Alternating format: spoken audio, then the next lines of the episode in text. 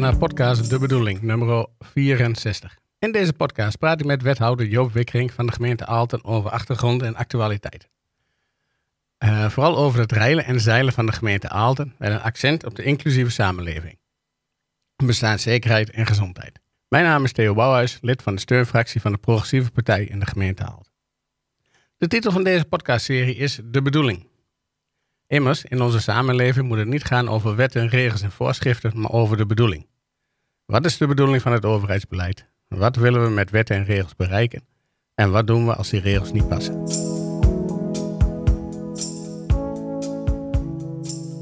In deze 64e aflevering gaan we het hebben over sociale zekerheid. Het kabinet wil het eenvoudiger maken, zegt ze in de ministerraad van 9 juni. En in diezelfde ministerraad een lijst met 20 wijzigingen van de participatiewet. Ook een berichtje vanuit de gemeente, ministerraad.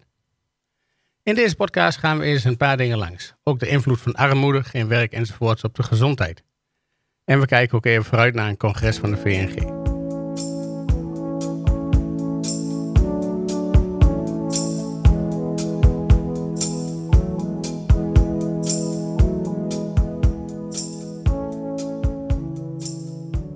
Allereerst over het verband tussen weinig geld, armoede, bestaansonzekerheid en gezondheid.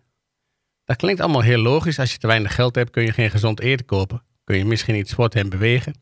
Maar woon je misschien ook wel in een ongezonde buurt. Dicht bij een industrieterrein, in tochtige of slecht geïsoleerde huizen. We hebben hier iets met de Michelt. Maar toch dringt dat nog maar, eh, mondjes maar door, lijkt het. Joop. Ja, er komt wel steeds meer aandacht voor, maar ik heb het idee toch nog niet zozeer in de grote politiek en in onze beleidsmaatregelen dat die gezondheid uh, rechtstreeks te maken heeft met de mate van welstand waarin je leeft.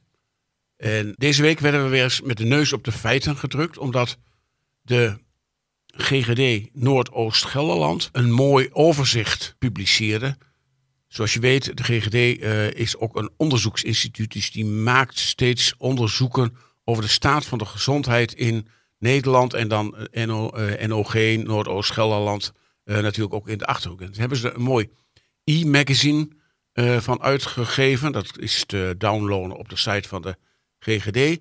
En daar gaat het dus ook over die levensverwachting, gezondheid en uh, met name ook uh, de, het gebrek aan middelen, dus, dus, dus de armoede. Uh, en daar zeggen ze ook van, er is iets geks aan de hand. Hè? De huidige levensverwachting is hoger dan ooit. En in de, de voorspelling is ook dat deze nog meer zal toenemen in de, vijf, in de komende 50 jaar. Maar tegelijkertijd zijn er in onze samenleving grote verschillen in levensverwachting en gezondheid. Tussen mensen met verschillen in opleiding en inkomen aangeduid met sociaal-economische gezondheidsverschillen. Nou, in dat e-magazine, ik zal hem even erbij pakken, als dat lukt, uh, dan daar zie je ook een, een groot aantal uh, cijfers die uh, te maken hebben met de oorzaken van gezondheidsverschillen. En Gaat dan die levensverwachting gaat die dan toenemen omdat we uh, wat meer mensen hebben die in de welvaart zitten? Ja, dat denk ik. Ja, dat, of dat, en, en de gezondheidszorg wordt beter. En, en men, men uh, ja, vroeger dodelijke ziektes natuurlijk, die, uh, ja, die, die, daar worden langzamerhand uh, ja, behandelbare ziektes. Ja, behandelen en, en, een chronische ziekte. Dus je hoeft daar niet per se aan, aan, aan te overlijden. Maar goed, men, men gaf dan ook aan, de gezondheidsverschillen, die ontstaan ook door andere factoren uh, moet ik hem even opzoeken. Ja, ja, waarvan het misschien wel logisch is, die toch niet misschien zo goed op ons netvlies staat. Overigens, de gezondheid, en dat hebben we ook in de beeldvorming uh, afgelopen week uh, besproken. De, gez de gezondheid beleven van met name de mentale gezondheid gaat wel achteruit. Dus dat is een, een dingetje wat. Hoe moet ik me dat voor, voor nou ja? Je bent wel ik, gezond, maar je kunt er niet van genieten? Ja, precies. Ik heb hier bijvoorbeeld een tabelletje tweede en vierde klassers, dat gaat dus over scholieren, mm. dat de eigen gezondheid als zeer goed ervaart. Dat is in de jaren 2019, 2021 eh, ja, toch gedaald van 90% naar, 5, naar, naar 80%. Dus 80% van de jongen, we zeggen wel, 80% van de jongen gaat goed, maar 20% zegt dus, het, het gaat, gaat niet zo heel goed met mij. Ja, en in 10 jaar tijd is het 10% af. Ja, en dat, dat vind ik nog wel veel. En dan heb je dan ook nog de tweede en vierde klassers met een hoog risico op psychosociale problemen. Uh, dat is gestegen van 2019 naar iets onder de 10. En in 2021 iets boven de 20 procent. Dus Oh, dat zijn ja. toch best wel zorgelijke dingen. Maar goed, nu nog even over die armoede. Ik ben inmiddels eh, aan het zoeken op die site van de GGD wat ik eigenlijk daarover wilde vertellen. Eh, oorzaken van gezondheidsverschillen. 7% van de gezondheidsverschillen eh, wordt veroorzaakt door de werksituatie. Nou ja, dat kun je je voorstellen. Ja. Als je vuil werk hebt of je hebt, eh, ja, dat is ook wel ongezond werk. werk. Eh, 10% wordt eh, veroorzaakt door het gebrek aan goede, betaalbare en begrijpelijke zorg. Begrijpelijk staat er ook bij. Hè? Mensen Ja. begrijpen, ja, dus mensen hebben een, een, een gezondheidsverschil omdat ze de zorg niet goed begrijpen of niet geen goed toegang hebben. 10% daarvan. 35%, en daar gaan we het nu even over. Daar gaat het nu even over. 35% van de gezondheidsverschillen ontstaat door bestaanszekerheid. Dus mensen die eh, minder te besteden hebben, hebben een hoger risico op eh, ongezond leven. Mhm. 29% over leefomstandigheden. Nou, daar kun je ook van alles bij je voorstellen. Waar we het net Ja. over hadden, hè, waar iets eh, aankondigden. Wonen, binnenklimaat, buitenklimaat. Ja, maar hebben we het eh, inderdaad natuurlijk afgelopen jaren ook over gehad in het kader van die energieaanboden. Juist Ja. de men- mensen met een laag inkomen, die Precies. zitten in een huurhuis Ja, Waar, ja. eh, waar de warmte niet op orde is. Ja. En 19% van de gezondheidsverschillen ontstaan doordat mensen een beter of een slechter eh, sociaal netwerk hebben, kennis en vaardigheden. Dus Mhm. het- ja, hier heeft het opleidingsniveau mee te maken. Nou, eh, ik zou zeggen, eh, zo'n e-magazine van de GGD is interessant om eens te bekijken. En eh, je ziet Kun, dan... kun jij die link erbij zetten? In de, jij deelt altijd die berichten over de Ja, podcast. Kun je ja. daar die link eens bij Ja, inzetten? dat zal ik erbij inzetten. En hij staat ook in onze e-magazine, wat we elke week uitgeven, staat hij dit keer ook in. Nou, dat, dat is dus een ding wat goed in, in de gaten te houden. Dus je moet dus kijken naar de, hoe mensen leven en dat heeft te maken met gezondheid. Is helemaal niks nieuws, maar het wordt er eens even bevestigd door zijn onderzoek. Een tweede ding wat ik daar nog over wilde vertellen is dat wij als gemeente Aalten bezig zijn of deelnemen aan een heel langjarig groot onderzoek over het verband tussen gezondheid en armoede. En dat wordt uitgevoerd door allerlei universiteiten, eh, Leiden, Utrecht, eh, Wageningen. En wij zijn dan ingestoken als onderdeel van Agora. Agora is het wetenschappelijk instituut van de GGD. En Aalten en Doetinchem doen als eh, gemeente in de Achterhoek daar aan mee. En Elburg en El geloof ik in de, eh, in de Veluwe. En dan nog wat grotere gemeenten, Rotterdam, Amsterdam. Eh, en dat zijn echt hele grote onderzoeken van universiteiten. En die, die, die duren ook een, een jaar of wat. En die gaan dus kijken of er directe verbanden zijn tussen armoede en gezondheid. Maar ook welke dingen we nou moeten doen. Eh, en wat werkende praktijken zijn om zeg maar, die gezondheidsverschillen te verkleinen. En wat interessant is, is dat bij zo'n onderzoek ook de ministeries zitten. En dan de ministerie van, eh, het ministerie van VWS, hè, eh, welzijn. En van SZW, waar de sociale zaken en werkgelegenheid, waar zeg maar de uitkeringen en al dat soort dingen. Mhm. Nou, afgelopen maandag hadden we bijeenkomst, een kleine bijeenkomst, maar er waren niet zo heel veel mensen. Vertel ik zo nog even over. En er waren ook die mensen van die ministeries en, en, en die, die zien dus ook dat hun eigen wetten ja, eh, niet goed zijn als je het hebt over bijvoorbeeld armoedebestrijding en, en gezondheid. Ze, ze zien dat er meer moet veranderen dan er mogelijk is. En dan zie je ook in, onder die ministeries, en ik weet niet of ik dat een beetje uit de school klap, maar ik vond het wel heel in- interessant om te horen. Ja, maar de almachtige, het almachtige ministerie is het ministerie van Financiën. Ja. En als wij met voorstellen komen, mag niet van Financiën. Of als wij met uitgaven komen, kan niet van Financiën. Dus ook daar is natuurlijk nog heel wat te winnen, zoals wij dat altijd noemen, met een soort integrale benadering. Maar goed, dat was op zich wel een eh, leuke bijeenkomst met die onderzoekers, met die mensen van het ministerie. En ik was eigenlijk de enige van gemeenten. Eh, en we moesten daar op allerlei creatieve werkvormen, ik heb dat plaatje ook op eh, Facebook gezet, knutselen om onze grote frustratie in het sociaal beleid kenbaar te maken. En het grootste vertrouwenwekkende punt. Nou, en, da- en daar willen ze dan verder op doorborduren. Mijn grootste frustratie is dat er gewoon te weinig capaciteit, tijd en geld is om mensen goed te helpen. Dus we hebben nooit tijd en, en, en, en, dat betekent dus ja, de toegang die moet eh, goed be- bewaakt worden. Moeten niet te veel mensen aankloppen, want daar hebben we allemaal geen tijd voor. Eh, eh, Een beetje algemeen in Nederland gezien. Hè? En dat zie je ook wel af en toe in Aalten, bijvoorbeeld rond de schuldhulpverlening. Hebben we gewoon te weinig mensen, te weinig middelen om, uh, ja, om uh, in mijn ogen goed mensen uh, bij te staan om te zorgen dat ze niet in schulden komen. Maar goed, ja, maar een portbewaking is toch ook niet altijd, daar zit toch ook een risico in? Ja. Ik, ik, ik, moet bijvoorbeeld denken aan de vraag, die was, die was pas in de, in, in de raad, in de beeldvorming volgens mij, dat ging over de, oh nee, dat was in, in de raad, dat ging, dat ging over de motie over die parkeervergunningen voor invaliden. Oh ja, ja. ja. Dat, dat was op een gegeven moment een van de raadsleden, die stelde bezorgd de vraag van, ja, maar gaat het niet leiden tot veel meer aanvragen? Ja. Maar ik denk als dan het, het, wegvallen van de kosten leidt tot meer terechte in ieder geval, hè, dat moet er dan wel bij, maar als dat leidt tot meer terechte aanvragen, dan was er dus in het verleden een hindernis. Ja, ja. Dan- en, dan- en, en dan- zo heb je meer eh, hindernissen, hè? financiële, morele, eh, eh, regels. Hè? Jij Ja. voldoet niet aan eh, lid 2 sub B, dus dan val je er net buiten. Ja. En dat is allemaal bedoeld natuurlijk in wetgeving, inderdaad wat jij zegt, eh, om die toegang, eh, wat, die, die drempel wat te verhogen, in de verwachting dat anders mensen misschien wel onterecht gebruik maken van eh, bepaalde voorzieningen. Er is in Nederland en onder ons Nederlanders ook een eh, enorme angst dat mensen iets te veel krijgen, lijkt het Ja. soms wel. En, en dan denk ik van ja, met zo'n voorbeeld wat jij noemt ook, stel dat er eens één onterecht eh, iets aanvraagt. Ja, eh, is het dan waard om zo'n heel stelsel op te bouwen van eh, grenzen, van drempels, van financiële drempels, waar, waarbij het gevaar dus groot is dat mensen die het wel moeten krijgen, Ja. het, het ook maar niet aanvragen. Dat zie je heel veel, omdat er gewoon een hoop rompslomp is. Of denk ik krijg het toch niet. Of nou ja, dat soort dingen. Ja, En- maar en- ik bedoel het ook omgekeerd. Dat op het moment dat als je een drempel wegneemt en je krijgt meer terechte aanvragen, Ja. dan betekent dat toch dat, eh, die dan drempel moet je niet. geweest is. Ja, dan, is dan was die drempel fout. Dan is het niet zo dat je een duur besluit hebt genomen, Nee, maar dan heb je een fout gecorrigeerd. ja, ja precies. Nou ja, en, en dat soort dingen, dat wordt dus ook daar eh, bediscussieerd in zo'n zo'n werkatelier tussen die onderzoekers en die ministeriemensen en mensen vanuit de praktijk. En, en nou, ik hoop dus dat ook dat weer een stukje verder is op de weg naar een beter stelsel van ondersteuning van mensen. Eh, even kijken, we hadden het net al even over dat, dat hele verhaal van die armoede dat, en, en die bestaansonzekerheid. Dat geeft heel veel gezondheidsproblemen.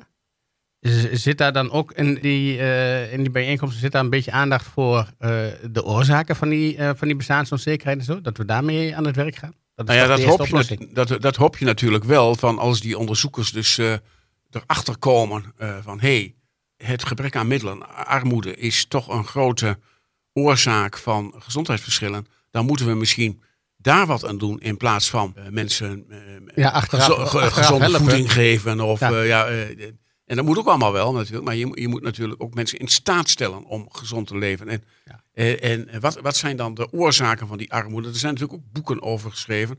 Ook in onze wekelijkse e-magazine staat een link naar het artikel wat deze week in eh, NRC stond, waarin een onderzoeker, een socioloog uit Amerika, een, een prijs heeft gewonnen. Een Pulitzerprijs heet, heet dat. Dat is een, eh, een prijs voor literatuur. En die heeft dus, eh, die doet nogal uitspraken over waar komt nou de arme armoede vandaan. En hij zegt, wat, wat raar is dat toch? Eh, we, we zijn als westerse wereld in staat geweest om het pokkenvirus uit te roeien. We kunnen de kindersterfte hebben gedecimeerd. De gemiddelde levensduur wordt opgekrikt, waar we net over hadden. Hm. De mensheid heeft heel veel voor elkaar gekregen, zegt hij, de laatste 50 jaar.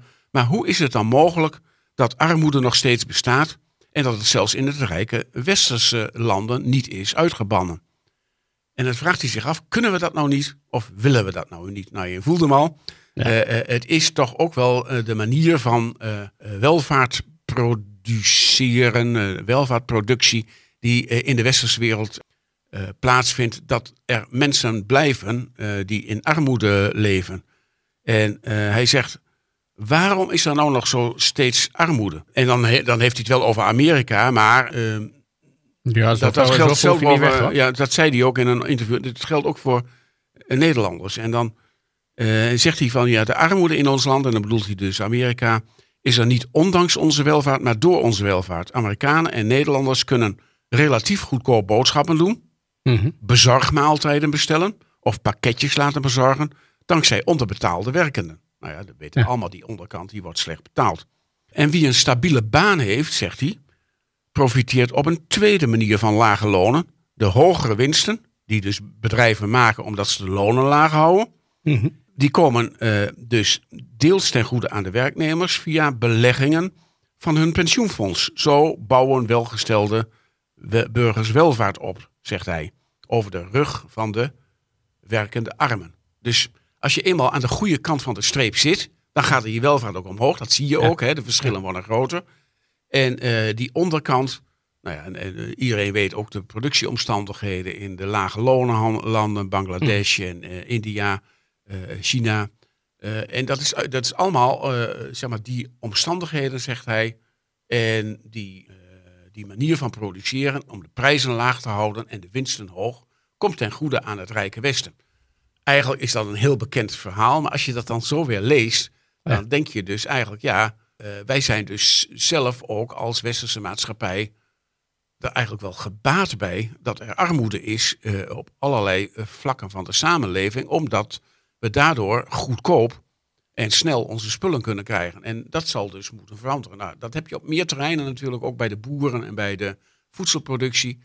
Eh, het is steeds, lijkt het wel zo, alsof er geen eerlijke prijs betaald wordt eh, voor de producten. Die ten goede komt aan degene die ze produceren of die ze moeten maken. Maar wel degene die eh, zeg maar daar de winsten van genieten. Dus nou ja, zo'n soort radicale omdenken. Nou, daar ben ik natuurlijk ook altijd wel voor. En wij als partij Het is helaas een beetje, het is be- best moeilijk om daar als burger veel aan te Ja, doen. Ja, ja. je kunt op een gegeven moment, eh, de- de- de- er zijn ook in Aalten zijn er wel boutiques die hebben dan kleding die komt, eh, die is in Nederland gema- eh, gemaakt of die is in, in ieder geval in Europa gemaakt. Of, Ja. daar zit een certificaat aan, maar over het algemeen is, is dat best moeilijk. Zeker. In dat interview zegt hij het ook eens. Wat kan nou de gemiddelde burger doen? Ja, Ja. dat- daar worstelen wij natuurlijk ook mee. En dan zeggen we, iedereen heeft wel ergens invloed. Hij kan op zijn universiteit gaan rondvragen. Hoe wordt het vermogen van de universiteit belegd? Wat betalen we onze hoveniers? Mhm. Hè, eh, eh, hoe, hoe, zijn on- hoe is onze inkoop geregeld? Nou, dat kunnen wij ons ook afvragen natuurlijk. Ja, Hoe ja hebben klopt. we onze inkoop geregeld? Doen we daar social return of inve- investment bij? Hebben we daar oog voor de, voor de arbeidsomstandigheden? Maar ook als, eh, als, als ja, dat je bewust aankopen doet. En hij zegt, ja, dat helpt natuurlijk niet allemaal. Echt die ene kleine individuele keuzes. Maar ze helpen met elkaar wel om wellicht aandacht te vragen voor die productieomstandigheden. Dus je moet ook wel in de politiek hele ingrijpende beslissingen nemen over klimaat, over inkomensverdeling en nou ja, daar, daar waar politiek over gaat. eh, om het beter te maken. Maar je kunt als, als individuele burger natuurlijk best door die bewustwording iets doen en niet alles maar klakkeloos aanvaarden en consumeren wat er allemaal op de markt is. Ja, Maar, nou, dat lijkt me ook een logisch standpunt. Ja, Dit is een, leer- een logisch standpunt. Dus meteen een mooie afsluiter. Gaan wij even naar een stukje muziek en dan eh, gaan we zo weer verder. Living on free food tickets. Ordering the milk from a hole in the roof where the rain came through. What can you do? Mhm. Tears from your little sister. Crying because she doesn't have a dress without a patch for the party to go. But you know she'll get by Cause she's living in the love of the common people. Smiles from the heart of a family man. Daddy's gonna buy you a dream to cling to. Mama's gonna love it just as much as she can. And she can. It's a good thing you don't have the spare. People fall through the hole in your pocket And you lose it in the snow on the ground gotta walk in the town to find a job. Trying to keep your hands warm. When the hole in your shoe, let the snow come through until you're to the bone. Somehow you better go home where it's warm, where you can live in the love of the common people. Smile from the heart of a family man. Daddy's gonna buy you a dream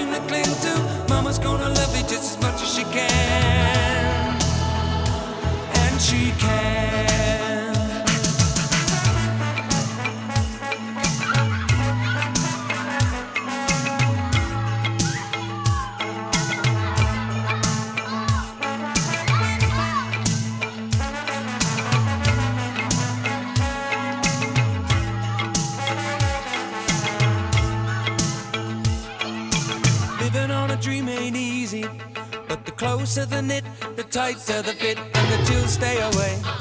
Just take them in stride for family pride. You know that faith is your foundation. With a whole lot of love and a warm conversation, but don't forget to pray. Just making it strong where you belong. And we're living in the love of the common people. Smiles from the heart of a family man. Daddy's gonna buy you a dream to cling to. Mama's gonna love it just as much as she can.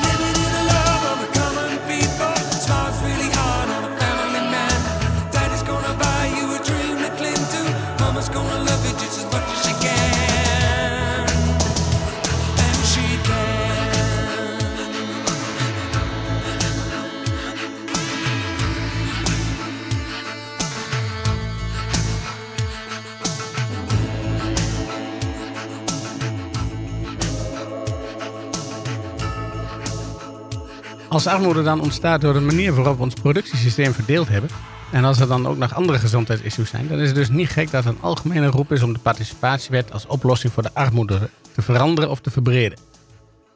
Nou, er is een rapport over uitgekomen van het Sociaal Cultureel Planbureau. Kun je daar iets over vertellen? Ja. Je korte Ja, ja, ik was zeer verrast eh, eh, over dat rapport wat deze week uitkwam. En het lijkt wel of er een paar dingen tegelijk dan gebeuren. Eh, want ook, eh, zoals je in je inleiding zei, de ministerraad die heeft gezegd... we willen het allemaal eenvoudiger maken. Ja, tegelijkertijd hebben ze twintig nieuwe regels ingevoerd. Daar gaat het verder niet over. Maar er is een soort idee van we moeten eh, met die participatiewet bijvoorbeeld aan de gang. 14 Hm. juni is er ook een debat in de Tweede Kamer over die participatiewet. Iedereen voelt dat die is opgesteld in een tijd waarin het mensbeeld was... eh, eh, als je werkloos bent, dat is je eigen schuld, dikke bult. En je moet gestraft worden en er moet een beetje druk uitgeoefend worden. En dan ga je vanzelf wel aan het werk. Ja. Langzamerhand zien we, en daar is dat Sociaal Cultureel eh, Planbureau eh, rapport zo belangrijk over. En dat heet een brede blik op bijstand. En daar hebben we het hier wel vaker over gehad. En het, ik vind dus dat het nou heel mooi is op papier staat en onderzocht is.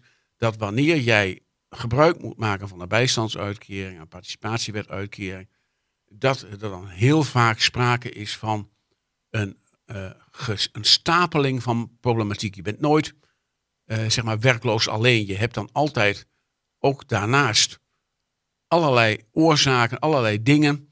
Hmm. eh, die we in het begin ook noemden over oorzaken van, van gezondheidsverschillen.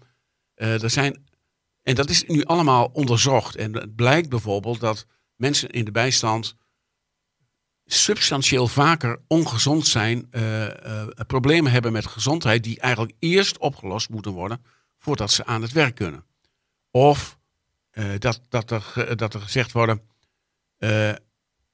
doordat gemeenten, en dat is in het systeem, doordat gemeenten te weinig geld krijgen voor ondersteuning van mensen richting werk, stoppen ze dat geld in de wat makkelijker bemiddelbare Ja. eh, mensen. Ook een hele logische gedachte. Als jij 300 mensen in de bijstand hebt en, daar krijg je, en je krijgt maar geld voor, eh, laten we zeggen 270, dan probeer je natuurlijk 30 mensen uit die bijstand te krijgen en aan het werk te krijgen. En het liefst misschien wel de mensen die het, eh, het snelst kunnen reïntegreren. Dat was jarenlang de praktijk. Alleen nu helpt dat niet meer, omdat er een hele grote groep mensen in die bijstand, bijna allemaal, een stapeling van problematiek heeft waar je ook wat aan moet doen. Hè, Ja, dus ja de, de, de, en de, bak die overblijft, dat zijn inderdaad... eh, mensen met grote problemen, ja, eh, op meerdere verschillende, problemen. precies, m- eh, verschillende, verschillende problemen. En dat wordt in dat rapport eh, eh, heel mooi en haarfijn eh, aangetoond. En, eh, en, en een rapport zou geen rapport zijn, dat er ook niet eh, aanbevelingen gedaan werden. Dus ze komen ook wel met een aantal aanbevelingen die, waarvan ik dus zeg, ja, dat klinkt mij dus als muziek in de oren. Eh, dat staat dan door de stapeling van de problemen waar sommige bijstandsgerechtigden tegenaan lopen, lijkt, het, lijkt een benadering gericht op verschillende levensdomeinen noodzakelijk. Dus je moet niet zeggen, jouw probleem is, jij bent werkloos, je moet aan het werk. Nee, je moet de heel de mens bekijken. Waar kun je op welke gebieden nou het beste ondersteund worden? En dan zie je dus dat die middelen die wij als gemeenten hebben, bijvoorbeeld de participatiewet, eh, bijvoorbeeld de WMO voor hulpmiddelen, mhm. bijvoorbeeld de jeugdwet voor ondersteuning van gezinnen en jeugdigen, dat die steeds dichter tegen elkaar aankruipen, omdat ze bekijken, ja, omdat we het nodig is om te bekijken waar zit nou precies het probleem of de uitdaging bij mensen eh, die niet goed mee kunnen komen. Is dat dat er eerst een heel simpel een hulpmiddel verstrekt moet worden, zodat eh, hij misschien in plaats van uh, 20 uur 30 uur kan werken en in zijn eigen onderhoud kan voorzien? Mhm. Of is het dat er jobcoaching of life coaching of ondersteuning moet komen? Al dat soort dingen uh, moeten in samenhang bezien worden. En eindelijk wordt dat dus ook vanuit de makers van de participatiewet wordt dat erkend. En dat, dat is een beetje parallel met die, wat ik vertelde over die mensen die bij die ministeries werken. Die zien dat nu ook. Maar ja, dan hebben we één probleem, of wel meerdere. Die participatiewet die wordt uitgevoerd door het ministerie van Sociale Zaken. De WMO, zeg maar de ondersteuning uh, van mensen in levensdomeinen, wordt uitgevoerd door het ministerie van volks, uh, Volksgezondheid, Welzijn en nog iets anders, cultuur. Dat zijn dus twee verschillende ministeries. En soms lijkt het alsof die mensen ook in wetgeving niet met elkaar praten. Daar begint dus langzamerhand in mijn ogen een soort kentering in te komen. En dat is mooi. En, uh, uh, en ik, ik ga daar ook heel erg veel werk van maken. aanstaande donderdag ben ik nog uitgenodigd bij, voor een of ander podcast of nee, een, meet-up bij Pakhuis de Zwijger in Amsterdam. voor de Landelijke Cliëntenraad, waar we het hier ook over gaan hebben. Die participatiewet werkt dus niet, is dus niet volgens de bedoeling, werkt die namelijk alleen gericht op werk en hij moet uitgebreid worden. Ik denk dat er een totale stelselherziening moet komen. Dat je een wet hebt die bestaansonzekerheid uh, wegneemt. Dus een wet voor de bestaanszekerheid. En die heeft een aantal elementen in zich. Bijvoorbeeld inkomensondersteuning, uh, reïntegratie naar werk. Maar ook ondersteuning op allerlei andere levensgebieden. Zodat mensen ja, toch een uitzicht krijgen op die bestaanszekerheid. want die grote groep mensen wordt steeds groter. In de Tweede Kamer is deze week gezegd dat het aantal mensen wat in armoede leeft uh, eind dit jaar, als er geen maatregelen komen, uh, van uh, eh, 700.000 naar 1 miljoen zal gaan. Nou, reken maar uit wat dat voor Aalten betekent. En daar hebben we onze, onze plicht om daar creatieve dingen in te doen. Nou, en, en dat kan dus ook met dit soort gedachten. En, en dit soort gedachten die zijn altijd voorloper van een wetswijziging, dat weet ik zeker. Dus ik ben daar optimistisch over, over dat rapport. Interessant om ook te lezen wat voor problemen mensen op allerlei levensgebieden kunnen ervaren die mm belemmeren om zelf inkomen te verdienen. Nou, daar moeten we allemaal rekening mee houden. Ja, als, als ik dat even een beetje kort samenvat, dan is dat gewoon, we moeten zorgen dat we die bestaansonzekerheid wegnemen. Zodat er daarmee weer ruimte komt om meer te doen aan de maatschappij. Juist, juist. Om te werken en ja. bij te kunnen. En, en, dan, en dan, nou ja, daar, daar, hebben we hier vaker wel over gehad. Dan bloeien mensen ook op. Opeens kan er meer. En, en uh, uh, en, en, niet in alle gevallen, dat snap ik ook wel. Er zijn ook mensen die een ernstige beperking hebben, die uh, nooit enige vorm van productieve arbeid kunnen doen.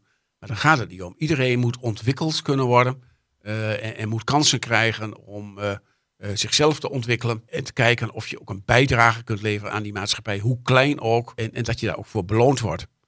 Maar nu praten we heel erg natuurlijk over een, een landelijk rapport en een landelijk instituut wat ermee bezig is en landelijke wetswijzigingen. Als we helemaal teruggaan naar, eh, naar ons gebied, de politiek en Aalten. Er komt nu een discussie over uh, Laborijn. Dat zal met de begroting te maken hebben, dan wordt er meestal gediscussieerd. Laborijn, de toekomst van de participatiewet. Uh, de beeldvorming komende vergadering, waar ook twee MT-leden van Laborijn de ontwikkeling en de gevolgen op de begroting komen toelichten. Wat je valt al, die, die begroting. Hoe, hoe gaan we dat in Aalten doen? Zitten, zitten we in Aalten, uh, lopen we voor op, eigenlijk op die conclusies? Eh, doen wij dat beter dan, dan gemiddeld? Ja, ik dan? Een, een, beter weet ik niet, maar een, een, beetje wel. En daarom ben ik ook zo blij dat dat, uh, dat, dat rapport van die, dat Sociaal Cultureel Planbureau en die discussie over de participatiewet nu in de Kamer plaatsvindt. Want eigenlijk hebben we die, diezelfde discussie ook op plaatselijk niveau, op lokaal niveau. En, en dat is dus eigenlijk de discussie waar jij op doelt, uh, daar waar Laborijn, zeg maar in 2015, hm. 2016 ontstaan als gevolg van die participatiewet, heel erg eerst zich richtte op, we moeten mensen uh, uit die uitkering halen door ze werk aan te bieden. En dat ging op, soms ook niet op zachtzinnige wijze. Hm. We herinneren ons allemaal natuurlijk ook de de problemen die daarmee waren. Dan was het ook een andere economie natuurlijk. Maar langzamerhand uh, is daar dus ook het besef doorgedrongen bij de werkers en bij de directie en ook bij het bestuur. We hebben te maken met een geheel andere populatie, zeg maar, van Ja. de bijstandsgerechten. Wij hebben er in Aalten 280 standcijfer. Hè. Daar gaan er, komen er steeds meer bij en er, er- gaan er wat af. Hm. Maar je ziet de laatste tijd dat de uitstroom, zoals dat dan heet, weer iets minder is dan de instroom. Dus eh, eh, het, het aantal, het standcijfer groeit een beetje. Het is ook al eens 260 geweest en nu 280. Daar zit een, en je moet ook kijken en analyse maken van wat zit daar nou in. En daar zitten mensen in eh, ja, met, met, met, met eh, uitdagingen en problemen op verschillende gebieden. En eh, bijvoorbeeld een groot deel wordt eh, eh, eh, gevormd door de mensen die hier nieuw komen, de statushouders. Ja, die Mhm. moeten inburgeren. En als dat gebeurd is, dat duurt eh, een, een anderhalf jaar. Eh, en en dan, dan kunnen ze langzamerhand eh ingeburgerd aan het werk. Nou, er zijn nu voorstellen om dat eerder te laten doen. Van harte mee eens. Hè. Ja, er zijn ja. zat mensen uit die groep die Al werkend inburgeren. al werkend kunnen inburgeren. Veel beter Ja. dan dat volgtijdelijk te doen. Nou ja, maar goed, er zitten dus mensen in die, die, die best veel begeleiding nodig hebben. Nou, en wat je nou ziet bij Laborijn, en daar zal de discussie waarschijnlijk ook wel in die beeldvorming eh, over ontstaan, is als je zo door de jaren heen kijkt, al die activiteiten die gedaan werden om mensen aan het werk te krijgen, dus individuele gesprekken, cursussen, reïntegratieactiviteiten, sollicitatietrainingen, dat kostte een, een, een, een- bepaald aantal eh, eh, aan, euro's aan geld. En, en nou ja, wat doe je dan als gemeente? Dan begroot je langzamerhand. Nou, vorig jaar kostte ons dat een miljoen. Eh, er zijn wat prijsstijgingen geweest. Volgend jaar eh, komt er 8% bij en zo de meerjarenbegroting door.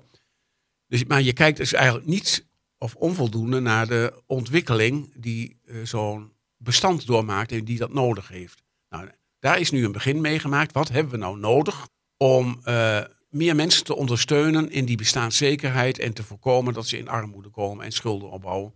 Dus eh, wat hebben we nou nodig om mensen aan het werk te brengen of anders mee te laten doen? Hè? Participatiewet is ook meedoen, vrijwilligerswerk, maatjes, dat soort dingen. Nou, daar zijn wat programma's op gezet en dan krijg je een andere begroting natuurlijk. Dan, maar, maar dan krijg je misschien ook wel andere activiteiten hier. Dan krijg je dus, en dan heb je andere mensen nodig. Hè? Iemand die naar, eh, eh, te helpen met een sollicitatiebrief schrijven is een ander vak dan iemand motiveren om vrijwilligerswerk te doen.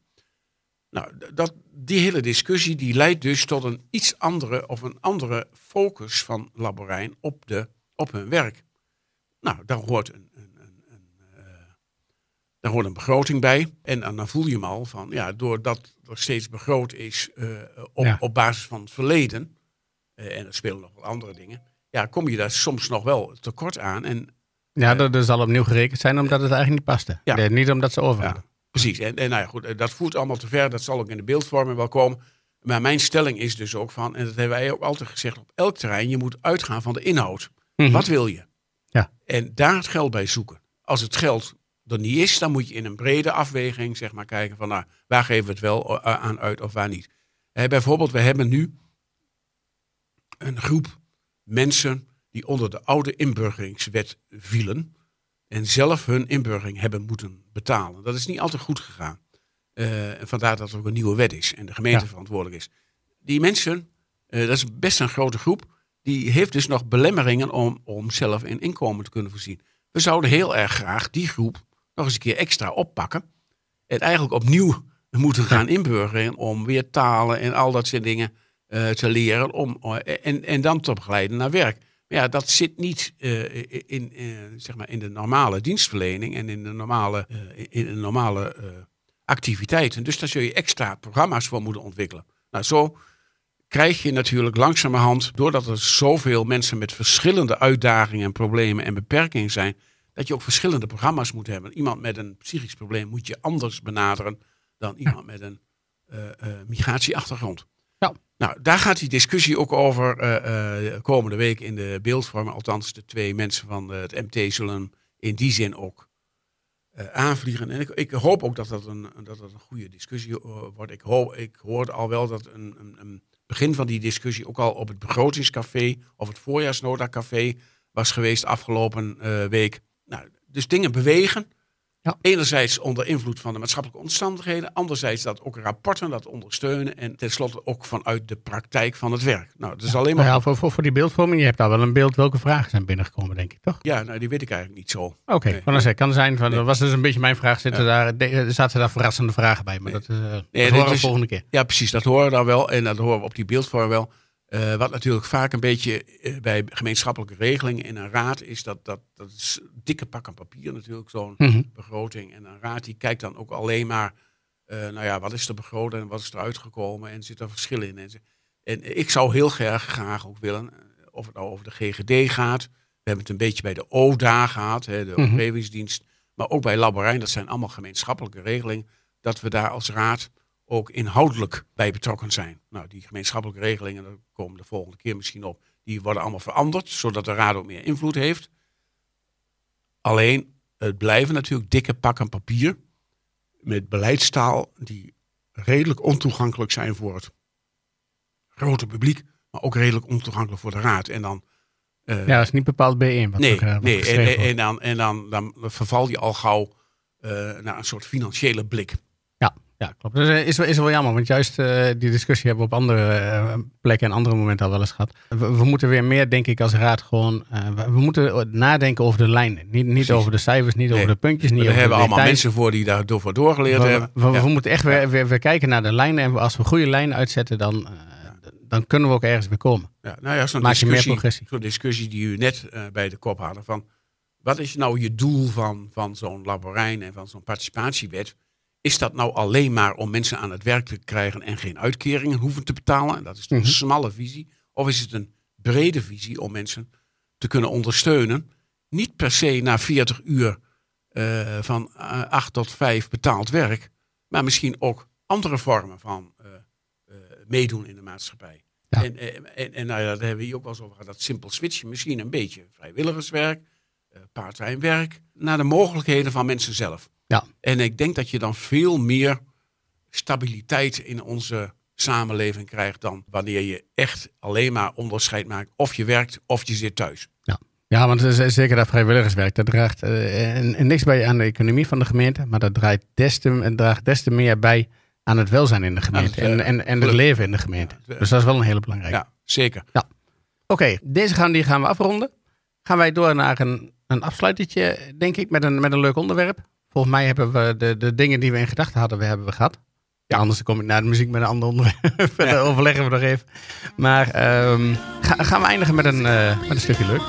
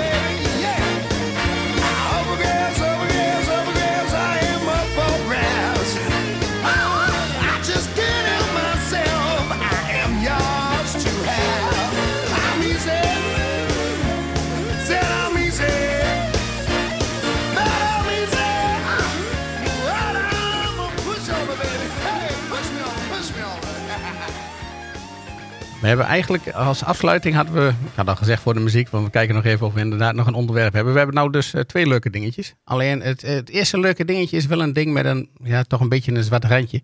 ja. Het, het was leuk, de, eh, de Achterhoek Spektakeltour. Er zitten, er zitten twee eh, tegenstrijdige woorden in. Het was en Ja. leuk. Ja, Dat is, ja, ja, ja, ja. Joop, jij bent er geweest? Ja, ja en, en, en, en niet alleen ik, er waren 3000 mensen. En ook opvallend veel mensen van onze partij, zeg maar. Hebben Veel kennissen gezien. En eh, zo'n Achterhoek spektakeltour, voor de mensen die het niet kennen. Op het terrein van de Dru in Ulft. Een hele bonte mix van iets van 30 acts. Op eh, nee, 60 acts op 30 podiums. En dat gaat van klassieke muziek, piano en fluit tot eh jong leren, acrobatiek en eh, keiharde eh, eh, rock. Mhm. Eh, tot eh, ballads en eh, eh, eh, voorlezen, literatuur, gedichten. Voor, echt voor elk wat wils. En dat is die sterke formule van die Achterhoek-tour, eh, spektakeltour, die eh, zo'n 16 jaar geleden begonnen is.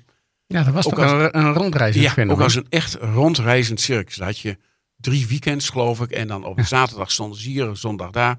Nou, dat kostte natuurlijk enorm veel tijd, geld en moeite. Maar heel veel vrijwilligers bij betrokken. Toen eh, eh, bliezen de gemeenten ook nog behoorlijk in de bus. Vijf gemeenten in de Achterhoek. Die legden eh, 20.000 euro op tafel in dat tijd.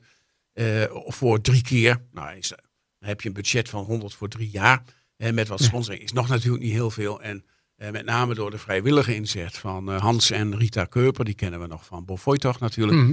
eh, is dat al die jaren eh, heel goed gegaan. Alleen eh, eh, deze twee mensen die eh, be- beginnen ook eh, wat ouder te worden en zeggen we willen onze pijlen blijven richten op Bofoitocht. En, en dit willen we gewoon afstoten, dat kunnen we niet meer. Er zijn een hoop vrijwilligers die zeggen van eh, wij willen best wat doen, maar niet die kaart trekken. Dus we, het, het wachten is eigenlijk op een nieuwe Hans Keuper of een nieuwe Rita Keuper eigenlijk ook. eh, die die kaart gaat trekken en contacten gaat onderhouden met Dat zijn Eh, wel hele grote schoenen om in te stappen. Zeker, zeker. En daarom durft dat misschien ook niemand. Nee. Omdat het een formule is natuurlijk die een beetje op oerrol ter Schelling lijkt. Ja. Je wandelt van podium naar podium. Wat ik het meest, en het meest aantrekkelijk van de hele formule vind, is dat je gewone achterhoekers eh, in contact brengt met verrassende vormen van cultuur. Eh, ik, ga, ik zou uit mezelf nooit naar een circus gaan. Maar je ziet daar een soort Ja. optreden van acrobatiek en clowneske eh, dingen. Nou, je lach je een kriek. En dat, dat, dat, dat duurt dan een half uurtje en dat is dan mooi. Een klassiek concert zou, zou ik wat eerder heen gaan, maar om een hele avond in zo'n schouwburg voor heel veel geld te zitten. En daar zie je gewoon een paar juweeltjes van pianomuziek en fluitmuziek. Eh, of wat kleine stukjes op toneelgebied. En eh, nou, dat is zo mooi om te zien dat je dan ook zeg maar alles in één middag en één avond zo'n beetje kunt, eh, kunt Ja. zien wat er op, op het gebied van kunst en cultuur aan, aan de hand is. En dan ook een beetje de, de, de, de betekenisvolle kunst en cultuur. En niet alleen maar coverbands, hoewel dat ook heel Ja. erg mooi kan zijn. Eh, maar, maar ook eh, eh, de wat dieper. En wat je dan ook bij het publiek ziet, heel veel dingen voor kinderen worden georganiseerd. Dus je Hmm. hebt gewone mensen, ook veel oudere mensen, je hebt heel veel kinderen. En de gewone achterhoekers die dan langskomen, ze ze even kijken wat dat is. En dan een beetje met elkaar aan het keuvelen zijn. Ik, ik vind het een prachtige sfeer. En, en die bedoeling, dat je dus gewone mensen in contact brengt met cultuur, eh, dat is een hele goeie. En ik hoop inderdaad, ik heb het ook met een paar andere wethouders al eens over gehad. Misschien moeten we toch eens kijken of we via de regio Achterhoek, want we willen allemaal dat de regio Achterhoek ook cultureel omhoog gaat. Ja. eh, Om mensen eh, te trekken die hier eh, graag willen wonen. En dan zijn dit soort dingen heel erg belangrijk. Ja, maar ja, ik, ik zit er meer te denken, misschien moet, eh, er moet er niet zozeer een nieuwe kaarttrekker komen, maar er moet gewoon een, een, bestuur komen wat die kaart trekt. Dus Ja, dat is, er, eh, dat is er ook wel. ja. maar, maar, maar niet één grote kaarttrekker, maar gewoon Nee, een, nee, een man of vijf die de lasten kunnen delen. Ja, dat. En, en je moet natuurlijk een goede programmeur hebben. Mhm. eh, die de contacten in die wereld heeft. En dat zou je misschien wel ook onder kunnen brengen bij de Dru en bij Amphion en bij Koppelkerk en al dat soort instellingen. Dat die eens wat samen gaan doen. Maar goed, daar moeten we eens over nadenken. Ik zou het heel mooi vinden. En je, merkte op die, eh, op die zondagmiddag natuurlijk ook, het was natuurlijk ook prachtig weer. Er is een soort sfeertje van, eh, ja, dit mag toch niet verloren gaan voor de Achterhoek. Nou, misschien dat ook eh, via deze podcast mensen aan denken komen. Ik heb ook al een Ja. paar mensen gevraagd, is dat niet wat voor jou? Nou, laten we eens kijken. Ja. of, of we dat kunnen behouden voor de Achterhoek. Want dat is toch wel heel erg belangrijk. Het zou, zou heel erg mooi zijn als Ja. dat lukt. Dus het was best een leuke middag. Maar wel met een, zwart randje, zoals jij zei. Want het, is, het kan maar zo de laatste keer zijn na 16 jaar. Ja. Ja, ja dat, zou, dat zou heel jammer zijn. Dus dan gaat echt een, eh, een, mooie traditie verloren. Het andere puntje wat we eigenlijk in de rubriek nou leuk hebben, en daar had ik hem zelf niet zo gauw verwacht, maar dat is VNG-congres. Ja. Waar, Waarom is dat leuk, Job? Ja, nou ja, dat is, elk jaar hè, is er een groot congres van eh, VNG, de Vereniging Nederlandse Gemeenten. Er komen alle burgemeesters, wethouders en soms ook raadsleden. Mhm. eh, komen bij elkaar over de stand van het land te praten. En eh, er worden moties ingediend en de, eh, de gemeenten waarschuwen de regering voor de laatste maal. En dat soort, soort gein, weet je wel. Mhm. Ook wel heel serieus natuurlijk. Wij gaan ook nog een motie indienen over zeg maar de, de invloed van gemeenten op de spoedeisende hulp bij ziekenhuizen. En Mhm. we ondersteunen een motie om meer geld voor de sociale werkvoorziening. vanwege die staking en die bijeenkomst die afgelopen week geweest is. Eh, maar het is ook zo leuk. Het is ook gewoon leuk. En, Ja. eh, het is twee dagen. Eh, er zijn ook veel workshops en veel excursies. En dit keer in Groningen. En, en, en, en wat hier ook wel leuk is, er, er is een verkiezing voor de vicevoorzitter. De voorzitter wordt burgemeester van Utrecht. En er is er een vicevoorzitter. En dat is, een, is, is echt een wedstrijdje geworden. Want normaal gesproken gaat het allemaal gladjes. En het bestuur die stelt iemand voor. Dat was de burgemeester van Groningen in dit geval. Maar toen kwam er iemand uit de Achterhoek, Mark Bouwmans, burgemeester van eh Doetinchem. En zegt, nou eigenlijk moeten wij toch ook proberen om als plattelanders Ja, eh, eh, weer wat meer in de picture. te wat komen. meer in de picture te komen. En dus ik ga mijn kandidaat stellen en steun mij. En inderdaad 160 gemeenten die ondersteunen hem van de 300 zoveel. Dus dat gaat nog een hele spannende worden. Kijk eens, Amsterdam en, en Rotterdam, die hebben meer stemmen dan al die andere kleine gemeenten natuurlijk. Dus het is een soort gewogen stemrecht. Eh, maar dat is bij deze verkiezing overigens, dacht ik, niet het geval. Dat is gewoon één gemeente, één stem. Maar eh, er is dus echt een campagnetje aan de gang en zo. En, en eh, dat is dus leuk voor de Achterhoek. Want eh, Ja. Nou ja, we hebben ook wat activiteiten daar met de Achterhoekse vlaggen. En, en, maar het is niet alleen Achterhoek natuurlijk. Het, het gaat ook heel erg over ook zo'n zo'n institutie als zo'n VNG met de burgemeester van Utrecht of Den Haag als voorzitter en Kamer en, en commissies die zeg maar voor 80% uit de grote 40 gemeenten komen. Eh, oh ja, en, en een kenmerkende reactie van de VNG was: ja, maar we hebben toch een kandidaat uit de stad Groningen, dat is toch ook platteland? Ja, maar het is wel een stad. En het gaat Ja. natuurlijk over plattelandsgebieden. Hè? Eh, wegvallend openbaar vervoer, wegvallende voorzieningen, Ja. eh, stikstofproblematiek, natuurherstel. Ja, dat, dat moet toch ook meer doorklinken in Den Haag. Dus Ja, maar Nou, de- zullen toch ook bij de VNG langzaam doorhebben dat, er- Zeker. dat er heel veel gebied buiten die steden ligt. Waar, Zeker, waar ze ook een beetje aandacht Ja. voor moeten hebben. ja, zeker. Maar de, de, het is net als de Tweede Kamer, die verhouding is gewoon scheef. Ja, Met, heel scheef. Nou ja, en, en daar proberen we op deze manier dan wat aan te doen. Ik, ik heb me daar zelf niet zo. Ja, ik, ik vind die, die wedstrijdjes nooit zo. Eh, maar goed, het, het- het- het- er is toch een soort sfeertje ontstaan van. eh, eh, kijk eens, wij kunnen als platteland toch eigenlijk onze invloed ook wel doen gelden. En een tweede wat leuk is, is dat we dus niet alleen met het college erheen gaan, maar ook een afvaardiging uit de raad. En eh, nou ja, eh, eh, dat doen niet veel gemeenten, want ja, eh, het is twee dagen, daar moet je ook eerlijk over zijn. Een hotel kost ook een paar cent natuurlijk. Maar het is toch de moeite waard om ook met een aantal raadsleden en een college is twee dagen naar al- dit soort dingen te gaan die we ook dagelijks niet in de raad behandelen. Eh, met name die excursies en die workshops. Ja, daar kun je heel veel van leren. En, eh, en je ziet elkaar eens eh, in wat ongedwongen sfeer. Je ziet andere colleges uit de buurt en van je eigen partijen en zo. Dus het is echt een soort netwerksamenwerking, een netwerkbijeenkomst. En het lijkt mooi weer te worden. Op het eh, Marktplein in Groningen is het altijd leuk. Nee, mooi. Dat is inderdaad een leuk, eh, een leuke afsluiter. Zijn we, zijn we aan het eind? Het is een korte podcast. De luisteraars er moeten nog maar een kwartiertje muziek erachteraan doen, denk ik. Maar eh, wij- wij zijn wat eerder klaar. Dat zal denk Ja, ik maar we hoeven beetje... niet altijd aan een uur te komen, eh, Theo. Nee, nee, dat klopt. En dat hangt ook een beetje met, met mooi weer samen. Hè. Daar willen we ook van genieten. En Ja. het, is, het is druk. Wijnfeest, kermis, Bredevoort. Bredevoort, ja. Genoeg te doen. Bruce genieten. Springsteen in Landgraaf. Oh ja, jij gaat, jij gaat nog naar, naar. Landgraaf. Heel goed. Ook mooi weer voor. Zeker. Dus, luisteraars, tot de volgende keer. Joop, bedankt voor je tijd. Ja, Oké, tot ziens.